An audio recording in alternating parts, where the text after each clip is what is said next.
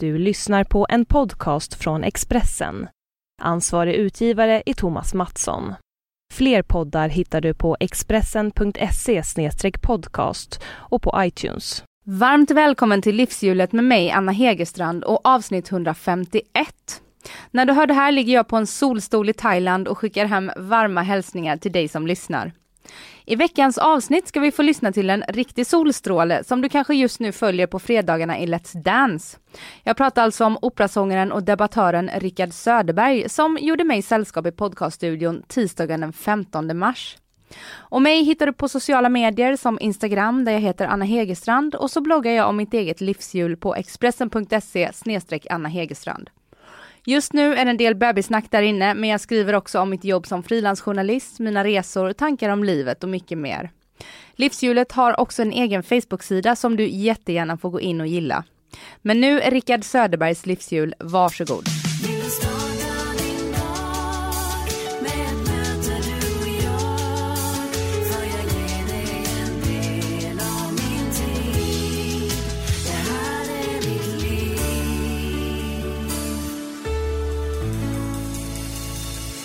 Funkar att äta kokostopp under Nej, intervjun? Nu sparar jag, nu. Men jag önskar dig varmt välkommen hit Rickard. Tack snälla. Ja, hur mår du idag? Jag mår utmärkt. Jag är lite sliten i kroppen efter att ha dansat precis hela dagen. Men det hör till har jag förstått nu när jag börjar bli dansare. Ja, för du är fortfarande nybörjare. Jag är ni- total nybörjare i det här. Men jag försöker så gott jag kan. Hur mycket övar ni på det? Och det är många timmar för att få det att sitta och för att få det att bli rätt. Och, det och så drömmer man om det på nätterna så det är dygnet runt. Ja, det är så. Ja. Och vi kan ju berätta för lyssnarna här att det står en flaska Loka, en smoothie och en kokostopp. Och det är din lunch som Ja, du laddar det har upp. varit en lite hysterisk dag men, så här, ja, men det, det är det som jag ska få mig att kunna dansa hela eftermiddagen. Ja, men det var bra. Jag hoppas att inte din danspartner lyssnar på det här, på den här podden. Ja, hon är ganska snäll så det är inga problem. Nej, hon är det. Är du noga med att ta hand om dig eh, och liksom tänka på det nu? Det som är det viktigaste här, att det är att ta hand om sitt inre och sin, sin själ och sin person i det här. För det går så oerhört fort allting och det, det är lätt att slitas med i, eh, i massa andra saker än vad det egentligen handlar om. Så det, på det sättet månar jag väldigt mycket om mig själv. Mm. Vad, vad är det lätt att slitas med i? Att slitas med i den bilden som andra eller media har av en eller den bilden som man själv bygger upp av vem man borde vara eller hur jag ska, ska kunna massa saker som jag inte kan för att jag är inte någon proffsdansare. Jag är inte, jag är, jag är mig själv och det måste få lov att eh, man får vara lite snäll och, och varm och rar mot sig själv där. Upplever du att eh, det kan finnas en sorts press på att man ska vara bättre på att dansa? Ja, det finns en enorm press på det. Den mesta kommer ju från en själv. Alla vi där borta som håller på och, och försöker göra det här som vi egentligen inte kan. Det är klart att vi vill vara så bra som möjligt.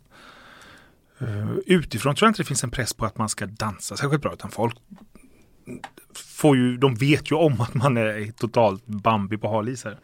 Men det är klart att det finns i ett sånt här oerhört påpassat eh, medialt program med massa saker som man måste hela tiden förhålla sig till. Som, eh, där man får vara väldigt snäll mot sig själv.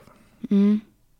Och du sa ju till mig tidigare här att den här Let's Dance-bubblan som många pratar om, att du Mm. inte riktigt har kunnat gå in i den. För att du gör ju massa saker. Ja, den hade jag gärna gått in i och bara gjort det och inget annat. Men så funkar det inte nu. Jag gör massa andra saker och jag vill göra massa andra saker. Så det är också ett val jag har gjort själv. Men, eh, men någon, någon bubbla har jag inte riktigt upplevt ännu.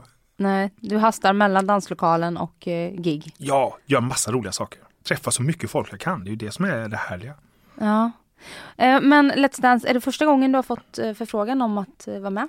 Det är första gången jag fått frågan och jag sa nej först.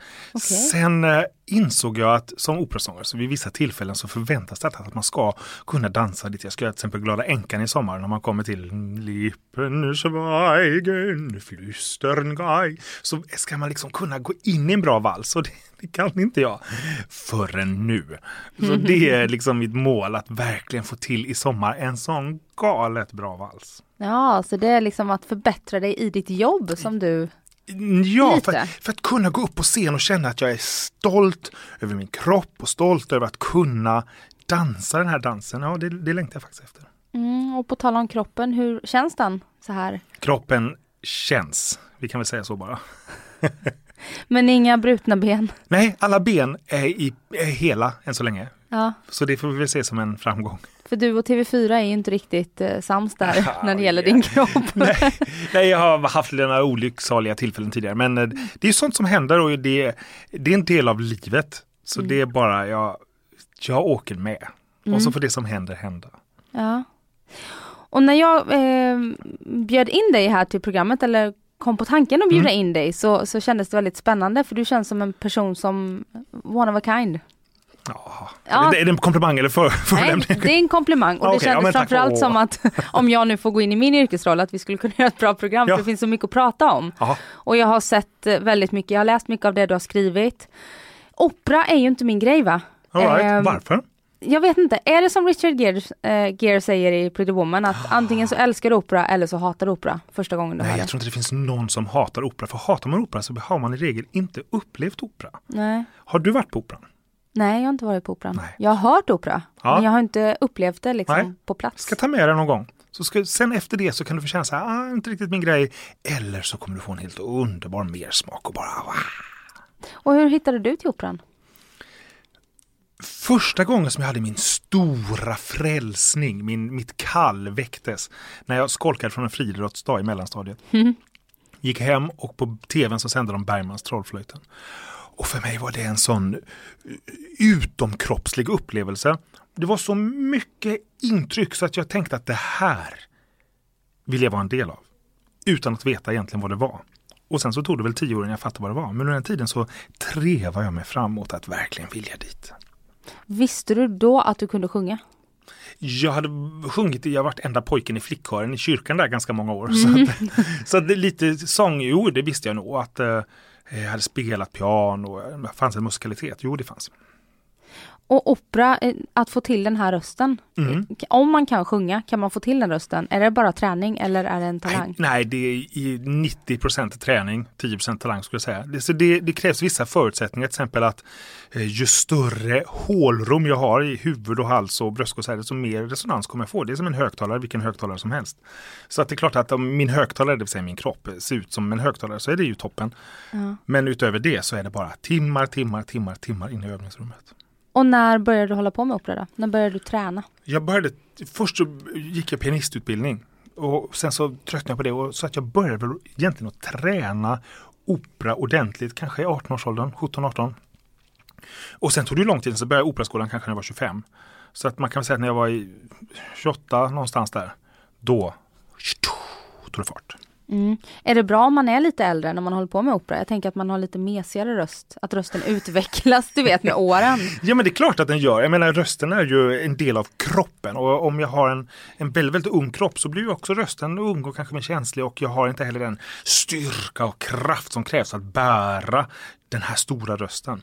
Så att det, jag tycker absolut att man vinner på att vara lite äldre. Mm. Och nu har du jobbat då som operasångare i över 20 år Nej, inte riktigt, men jag har jobbat för 15 år ungefär. och försörjer dig på det. Ja, Men gör också lite musikal och ja, alltså, ja. Jag tycker ju det är så roligt att göra massa olika saker. Så att, eh, det är klart att när jag hade sjungit opera länge så var jag så här, äh, jag måste, måste utveckla det här. Måste lära mig något nytt. Så då har jag börjat smaka lite på musikal. Som är en helt annan sak än opera. De har egentligen ingenting med vartannat att göra. Det är ett annat sätt att sjunga, ett annat sätt att jobba, ett annat sätt att studera in, ett annat sätt att ha föreställningar, ett annat sätt att leva. Så det är, det är bara, jag är på lite studie, jag är praoelev. Mhm. Där. skulle du vilja få en eh, projektanställning? En projektanställning, ja varför inte? Jo men absolut, why not? Om det är ett bra sammanhang, absolut. Kan man inte kombinera opera och musikal? Sjunger man inte opera ibland i musikal? Jo då, eh, man sjunger kanske inte så mycket opera i musikal, jo kanske nästan små, små sidekicks, men, eh, men det är klart att det går att kombinera, allting går om man vill. Mm. Det, eller det mesta går om man vill. Och du bor ju i Malmö, Mm. men kommer från Halmstad, Yes, stämmer. uppvuxen där. Hur hamnade du i Malmö? Jag skulle börja, kom in på Operahögskolan på Det Kongliga i Köpenhamn. Så då tog jag en karta över Malmö och så prickade in var centralstation låg och så gjorde jag en ring runt centralstation så här. Och så var jag här ska jag bo för att jag ville fortfarande bo i, i, på svenska delen av sundet fast jag pluggade i Köpenhamn. Så och då hittade jag en lägenhet inom den här lilla ringen som jag ritade upp och sen så flyttade jag dit. Och detta var ju, jag är ju så gammal så detta var ju innan bron. Jag åkte ju båtar över sundet Oj. varje dag. Eller inte varje dag, för varje dag gick inte båtarna. För det blåste det typ så här mycket. Så gick de inte. Men Mm. eh, Så då blev det inställt? Ja, antingen blev det i inställt. Nej, men du vet, då fick man ta så här tåg upp till Helsingör och sen så åka Bo, äh, det var så, var så sjukt, jag älskar bron. Mm. Och, och varför blev du kvar? Därför att jag började bygga upp ett liv i Malmö som är mitt liv med, med min man och min, mina vänner och min community. Och, och, och jag älskar också Malmö som stad. Den är som ingen annan stad i Sverige. Den är uh, heterogen på ett helt underbart sätt. Där det finns människor och det, från världens alla hörn och det talas så många språk och det finns så många mat och kultur och musikinfluenser som är enastående. Och du och din man, ni träffades för, ja, länge sedan. Ja, Men- vi har varit gifta nu snart 11 år. Så vi träffas ju innan dess. ja, förhoppningsvis. Jo, det gjorde vi. Och han är kvar nere i Malmö nu när du bor på hotell i Stockholm, Mhm. vad jag har förstått. Ja. Ja, och sist vi pratade så frågade jag liksom så här om det inte var jobbigt att ha den här distansen. Ja. Och lite hur du, eh, hur ni får liksom till relationen ändå. Då sa Ja. du att nej men vi ringer Facetime och så hade ni byggt lego. ja, det hade vi faktiskt innan. gjort. Nej, men man blir duktig på att, att, eftersom jag alltid har rest så mycket, så blir man väldigt duktig på att sköta relationer på det här sättet. Och att man får en vardag fortfarande. Så att det, någon kväll så hade vi Facetime, då satt vi med varsitt lego, så satt vi och byggde igår. Så var jag med, han, igår la han in luren när vi Facetimade. I, vi har två små möss som heter Adam och Steve. Så la han in luren till dem och så kunde jag leka med dem. Nej, det låter helt sjukt, jag hörde själv. Men så kunde jag leka med dem lite. För de hörde min röst och de, ja, de fattade inte riktigt. Men eh, det var roligt för mig, Ja, du hade förmodligen roligare än mössen. förmodligen. Ja. Och, och hur tror du att du är att leva med? Skulle din man säga. Eh, Han, oj, oj, oj, han brukar säga att jag är oerhört svår att leva med. eh, men då tänker jag att han, jag tar honom aldrig på allvar då. Jag kan inte förstå vad han menar riktigt. Jag eh, tycker själv att jag är ett under av enkelhet att leva med. Eh, så där står vi. Två, ja, nej jag vet inte, jag är dålig på att diska efter mig. Ja. Eh, Och jag, eh, då hans skrivbord är så det det är så här som ditt skrivbord är helt rent och snyggt och var sak på sin plats medan mitt skrivbord är så här wow! Och så ser våra liv ut också. Hans är mer checkat under kontroll medan mitt är bara all over the place. Men ehm, Har han ett inom situationstecken vanligt jobb? han är ju kommunal tjänsteperson. Så Av han, vanligt jobb. Ja, så att eh, det älskar jag för det känns så oerhört tryggt och stabilt. Och han är så oerhört oimponerad av att jag gör så här coola grejer som jag tycker. Let's Dance och sånt. Han är så här, ja bra, fast du kan också diska efter dig. Så det är väldigt, väldigt skönt. Blir du imponerad av allt, eh, av hela den här världen? Jag blir imponerad av människors eh, kunskap, av människors eh, spetskunskap. För när man gör stora tv-produktioner så, så är det många människor inblandade och alla har sin, sin uppgift. Och den gör de så oerhört väl. Och jag älskar att se det. Man kan ha en väldigt liten uppgift. Man kan sköta en, en lampa eller man kan... Det är små saker men man gör det, alla gör det med fullt ut, full passion. Och det tycker jag är så oerhört coolt. Mm. Jag har jobbat lite själv med tv och där ser man verkligen att visst nu så ser man ju er dansare och programledarna och Sa juryn. du er dansare? Ja Inräknat? men, Åh, tack! ja men du dansar ju. Du får vara med där. Ja. Men det är ju så otroligt mycket som händer bakom som man inte ser. Mm. Nej. Och det är ju lika viktigt, minst lika viktigt som Oh, er. ja. Oh, alltså det är ju, Mm. Allt det som händer bakom är förutsättningen för att det som sen ska bli tv-programmet som vi ser ska Mm. funka. Hade det som varit bakom inte funkat då hade det inte blivit något tv. Nej. Och för att det ska funka så är det också viktigt att alla som är stjärnorna i bild fattar det. Ja, precis. Precis så. Mm. Men hur känns eh, gänget i år, Let's Dance-gänget i år? Känns det som att ni är sammansvetsade eller eh, Och vi har så- retade? Nej, vi har så oerhört fint ihop. Alltså, vi träffas ju hela dagarna och man ser varandra i alla de här eh, tillfällena av, av tvivel och ångest och svett och smärta Mm. och glädje. Så det finns ingen möjlighet att spela någon roll eller upprätthålla någon slags fasad utan vi är vi är och stöttar varandra så mycket som vi orkar såklart. Mm. Bor det någon ångest i dig? Ja, gud ja. Gör det inte det i alla? Jo, men jag tror inte alla är i kontakt med den. Nej.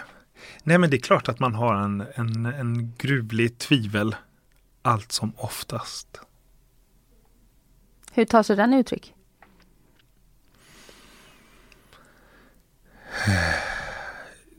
Den tar sig uttryck i mig genom en tankeverksamhet som kan sätta igång som kan vara väldigt eh, väldigt påtaglig, väldigt eh,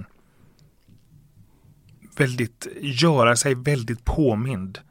Eh, man kan ligga på kvällarna så sätter tankar igång om stort och smått men som fortfarande är eh, existentiella tankar om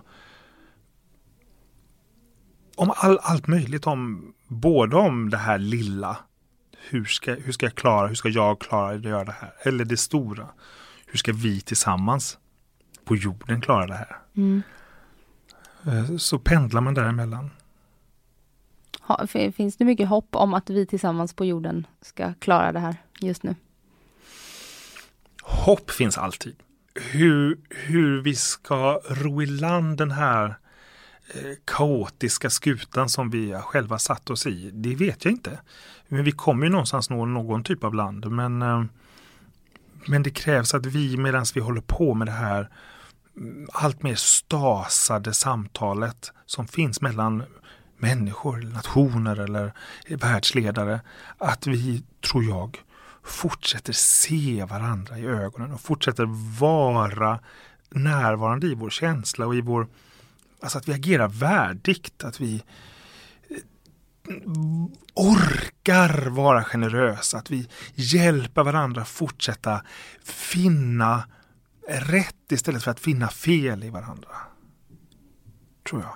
Och du är ju en ganska flitig debattör eh, när det kommer till eh, frågor om rättvisa och, mm. och människors lika värde och sådär. Ja. Var kommer den drivkraften ifrån?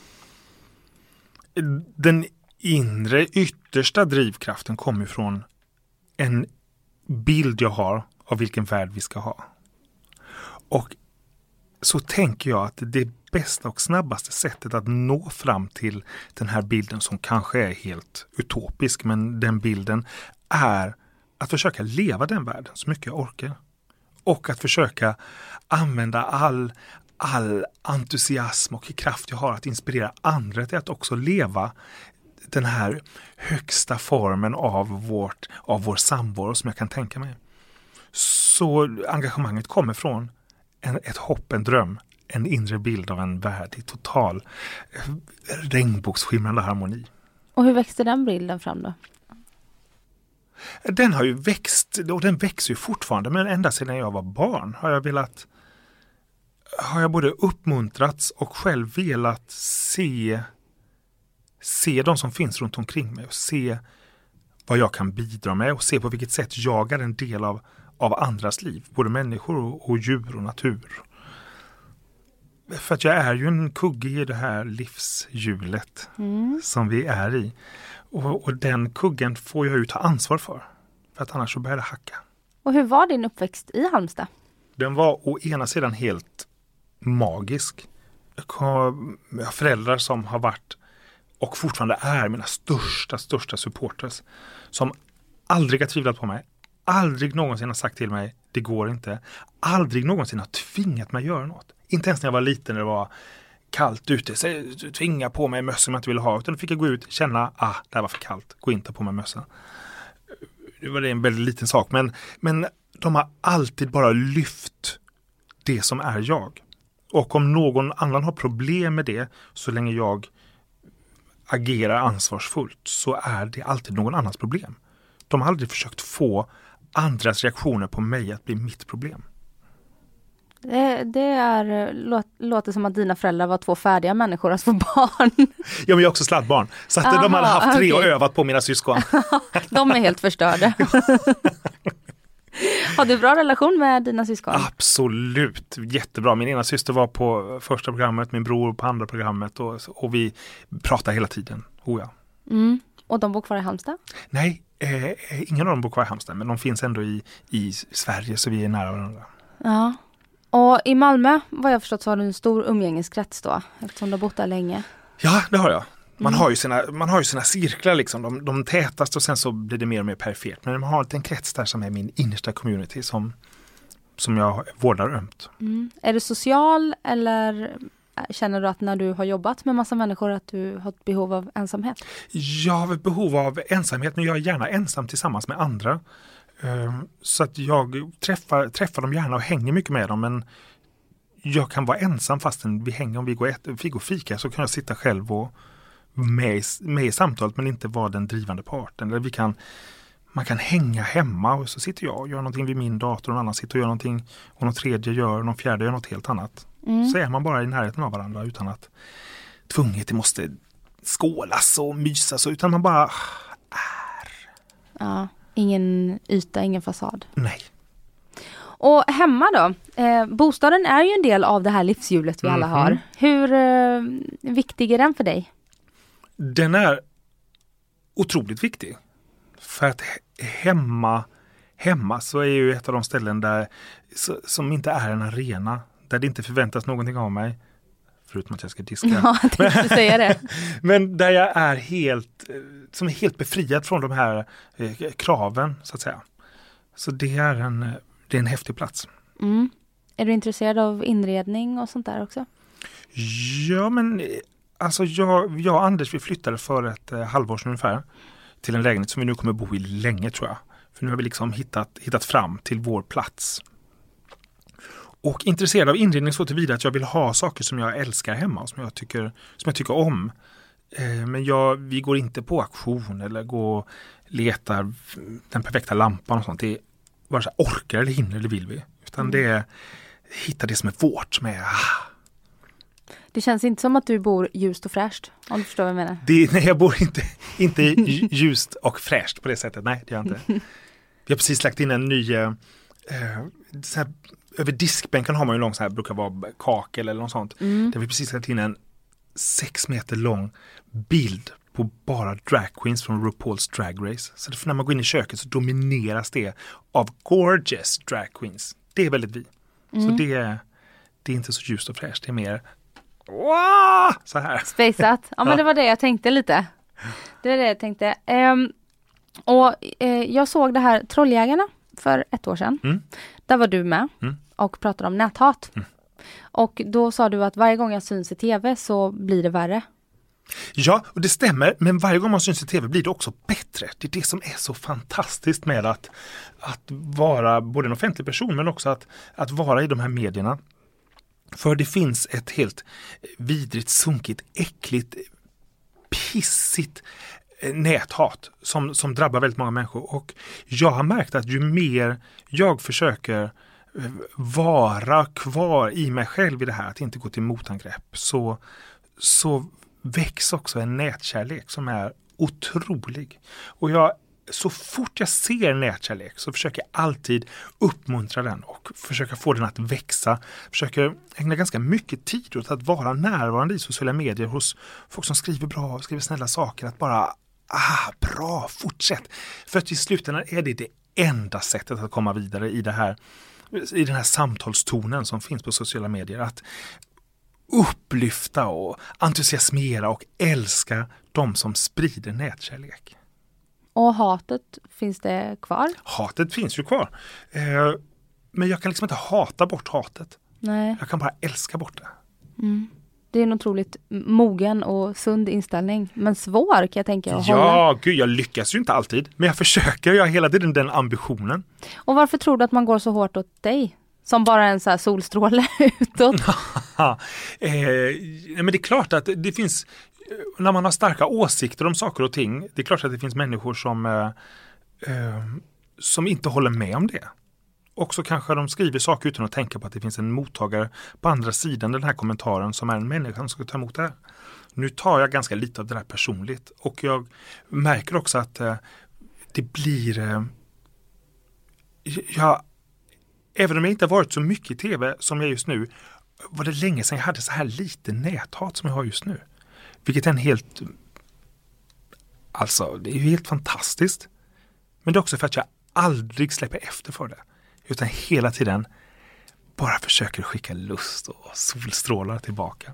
Men kan du bemöta en kommentar på din Instagram då? Eller blogg till exempel? Ja, Kan du bemöta det med kärlek då? Att du ja så här, många tar jag bort. ja, För då tänker jag så här, eh, om det, om det står mycket, mycket skit så brukar jag faktiskt ta bort mycket av det. Utan, inte bemöta det, inte göra någonting annat med det än att bara poff, borta. Mm. Det betyder ju inte att hatet försvinner, men det betyder att färre kommer se det och färre kommer inspireras av det och färre kommer bli arga på grund av det. För det, det finns ju de som blir väldigt arga när de ser det för att de tycker att det är fel. Mm. Och jag vill inte ha den heller, inte på de flöden som jag kan kontrollera själv. nej. Så jag försöker bara hålla dem som någon slags oaser av, eh, av fint nätsamtal.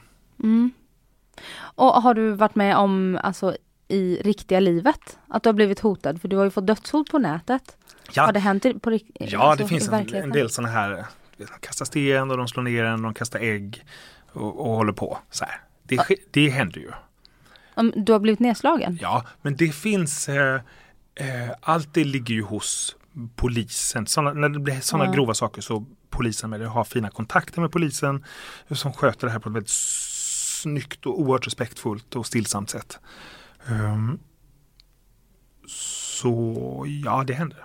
Mm. Men du är inte rädd? Nej, jag är inte rädd. Nej. Och det har aldrig fått dig att fundera över att jag kanske ska dra mig tillbaka? Nej, aldrig. För att jag känner mig så otroligt privilegierad. För att jag är frisk, jag har ett språk, jag har eh, ett arbete, jag, har, jag lever i ett av de lyxigaste länderna i hela, hela världen. Jag har en position som en offentlig person och med alla de här sakerna så kan jag inte säga åh nej nu vill jag backa lite. Eh, andra kan göra det och det, jag dömer inte någon som gör det men jag kan inte göra det. Utan jag känner att det jag har fått här det är med det kommer också en, ett, ett stort ansvar att ta emot mycket av den här skiten som kanske annars skulle gått på någon annan som inte har allt det jag har. Mm. Alltså du känner för att du har den liksom platsen i och, och också de kanalerna utåt? Ja, alltså att gå på mig för att jag är bög, det är så här, come on, det, det, det rör mig, jag blir inte påverkad på det på, för fem öre. Det är lite omodernt kanske? Ja, det känns också jäkligt sömnigt. Men att gå på någon som kanske lever i en religiös eller politisk eller kulturell hederskultur eller som är på väg ut, som är fortfarande osäker eller som är, eh, eller som är rädd.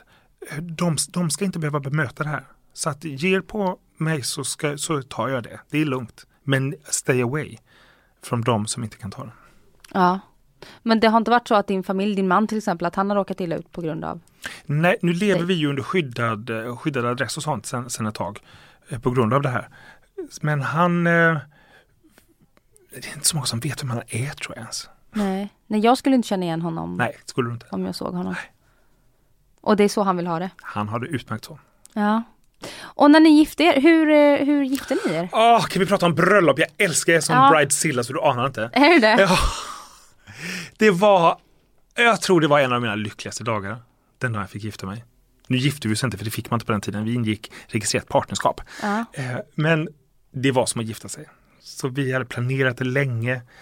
Eh, Vi hade en hel, en hel dag med liksom ceremoni först. Då var det, eh, det är ju 11 år sedan snart var Maria Wetterstrand och så var det, hade vi en, en schamansk kvinna och så var det en kyrka och så hade vi min syster och hans kusin som var liksom en kvartett av officianter.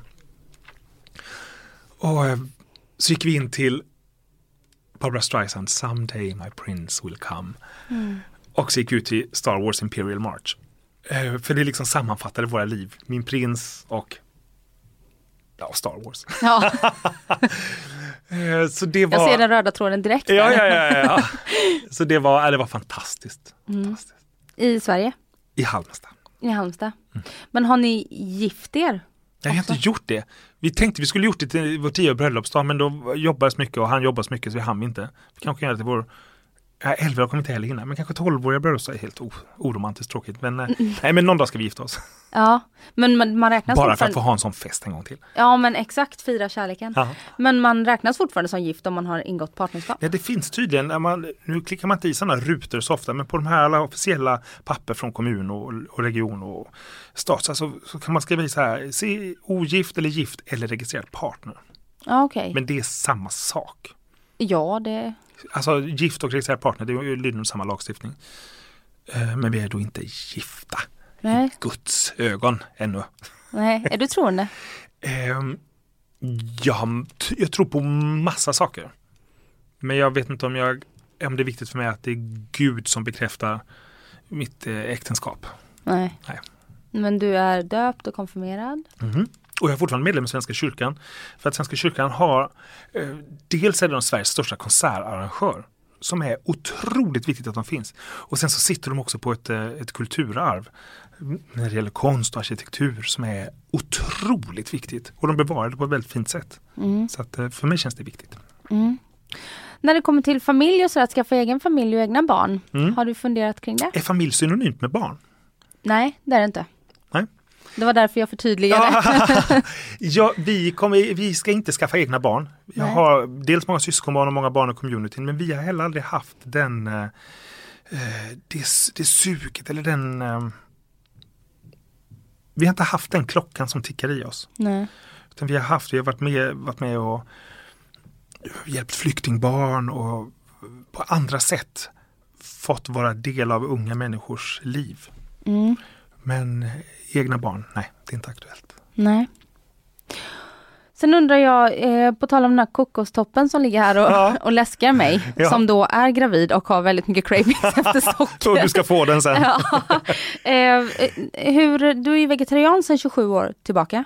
Ja just det, oh, ja, Mm. stämmer. och äter inget som har en mamma eller pappa. Nej precis. Ägg har vi kommit överens om är okej, för den har ingen pappa. Ägg, ägg har ingen pappa och man behöver inte döda mamman om man köper bra ägg förstås. Just det. Så, men jag, jag kanske inte går och käkar ägg så här.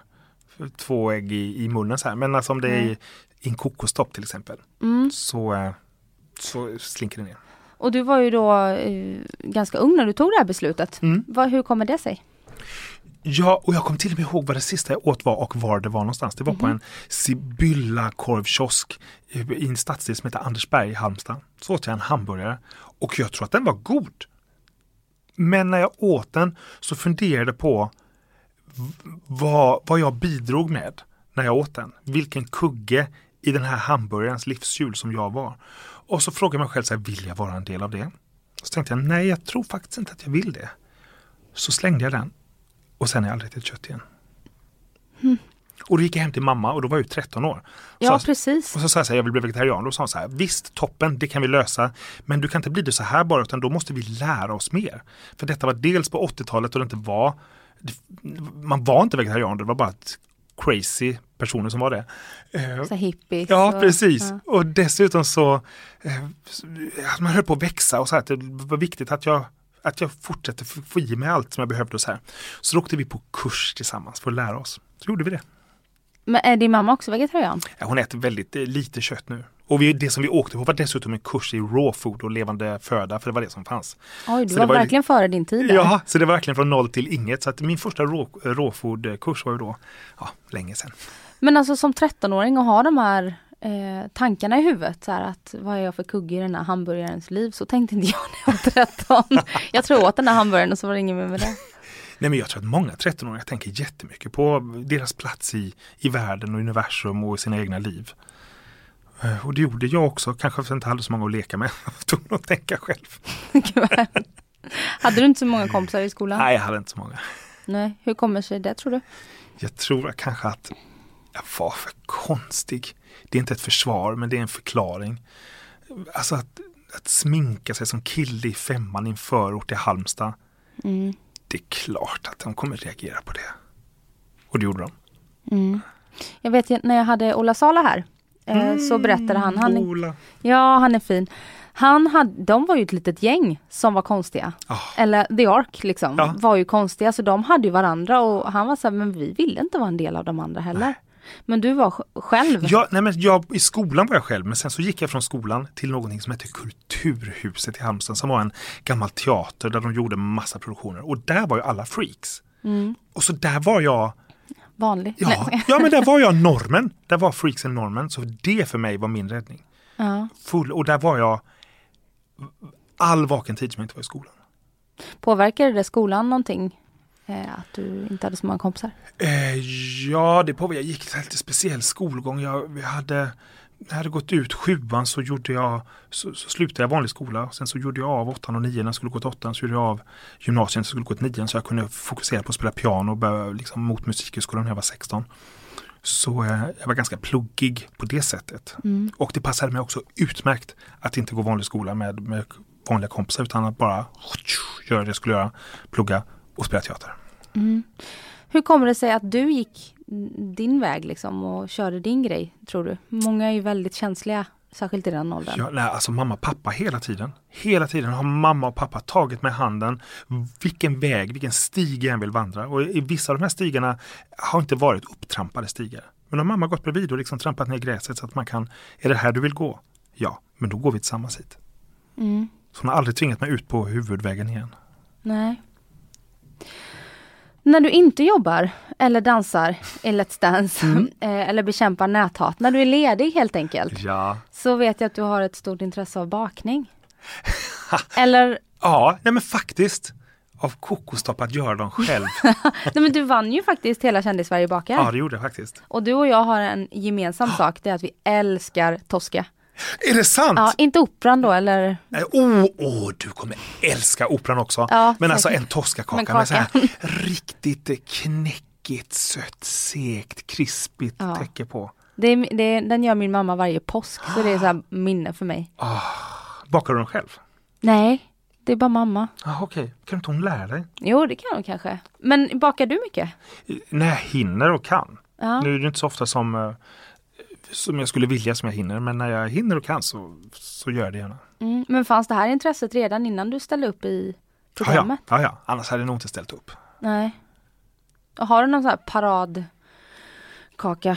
Jag tycker själv att jag gör en grym äppelpaj. Nu vet jag att det är lite banalt kanske, men jag, jag, den är faktiskt, den är grym. Vad är hemligheten då? Hemligheten är att bara ha så mycket mandelmassa, marsipan i som man liksom nästan tänker att det här blir för mycket. Då börjar man närma sig lagom och lite, kanske lite Cointreau i, kanske. Mm.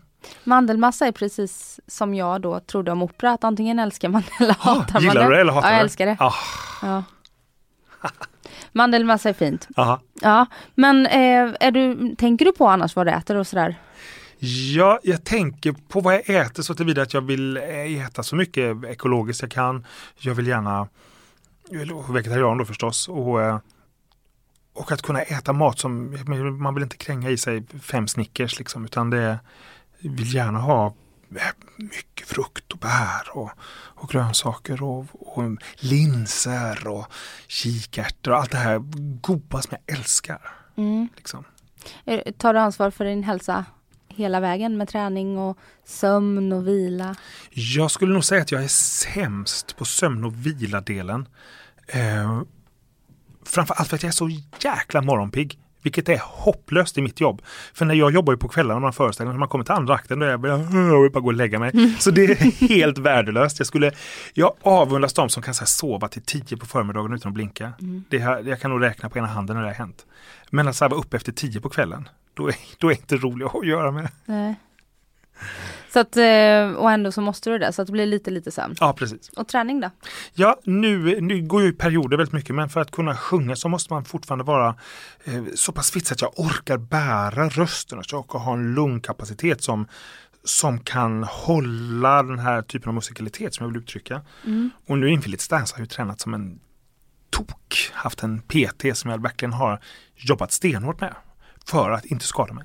Ja. Hur mycket har du gått ner i vikt? Och Måste man ju det- fråga en dansare. Ingen aning. Ingen Nej. aning. Jag är helt, helt ointresserad av själva viktgrejen. Det handlar om att vara i min kropp, att älska kroppen, hur den än ser ut, vad den än gör. Så länge den kan föra mig framåt i livet och att den dessutom kan låta mig dansa. Jag menar, jag är så oerhört tacksam för varenda liten pluttig cell i den här stora kroppen. Ja. Och eh, så måste jag fråga, du fyllde 40 här förra året, du fyllde Mhm. 41. Yes! Om inte jättelång Om några tid va? veckor ja. Om några veckor? Jag. Ja. Ja, är du kompis med din ålder? Ja, wow, ja, nu är jag det. Jag var det inte. Du vet, när jag var så här 37, 38 så tänkte jag shit jäklar, alltså, då kände jag mig riktigt gammal. Men sen när jag skulle fylla 40 så tänkte jag jag måste embrassera det här. Jag måste omfamna där jag är. Så då ställde jag till med mitt livs största fest på 40-årsdagen.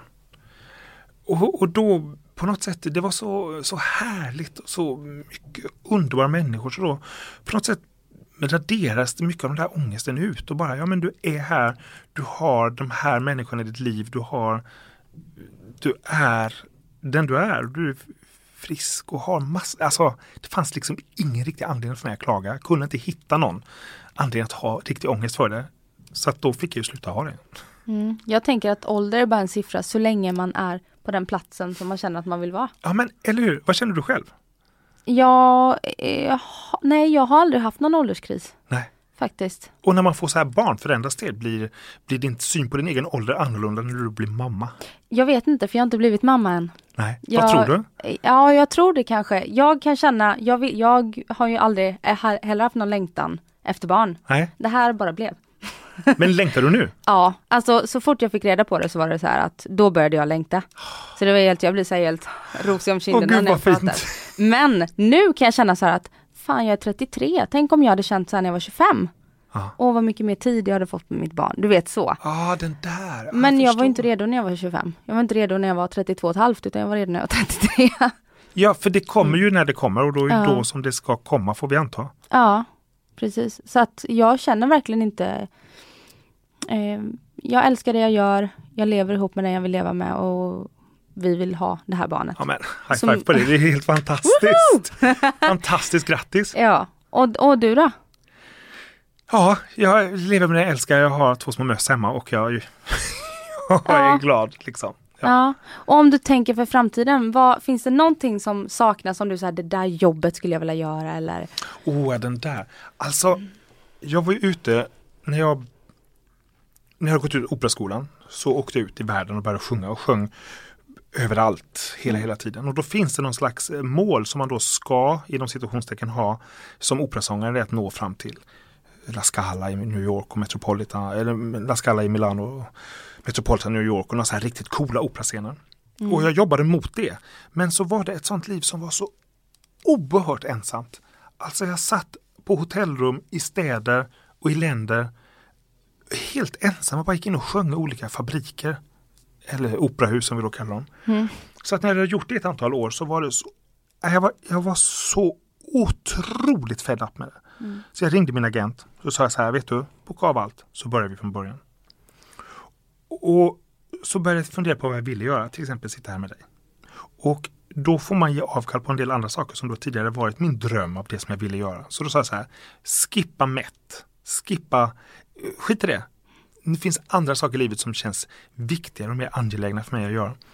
Så då har jag gett upp en del av drömmarna och eh, inte för att jag mår dåligt för att jag gett upp dem, jag har bara sagt att jag har andra drömmar som är större.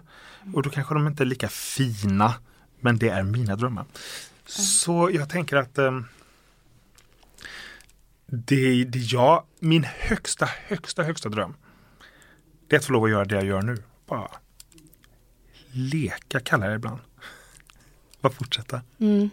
Jag brukar säga det till, till de som jag träffar i den här studion, för vi har ju ofta jobb som vi brinner för. Ja. Och det är otroligt, vi är otroligt privilegierade Eller hur? för att man jobbar med det man älskar och det har inte alla den förmånen. Nej, nej, så därför ska vi verkligen vårda det och vara tacksamma för det. Mm. Det var bra ord Rickard. Ja. Och jag tycker att vi avslutar med dem och tack snälla för att du kom hit Tack själv. och förgyllde Tack, poddstudion. tack. Och lycka till i Let's Dance! Tack snälla, nu ska vi äta kokoskaka. Ja det ska vi. Hej då!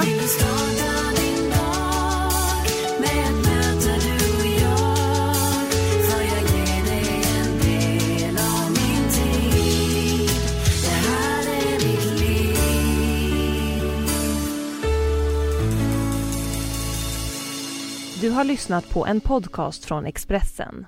Ansvarig utgivare är Thomas Mattsson. Fler poddar hittar du på expressen.se podcast och på iTunes. Nu är den stora färgfesten i full gång hos Nordsjö Idé och Design. Du får 30% rabatt på all färg och olja från Nordsjö. Vad du än har på gång där hemma så hjälper vi dig att förverkliga ditt projekt. Välkommen in till din lokala butik.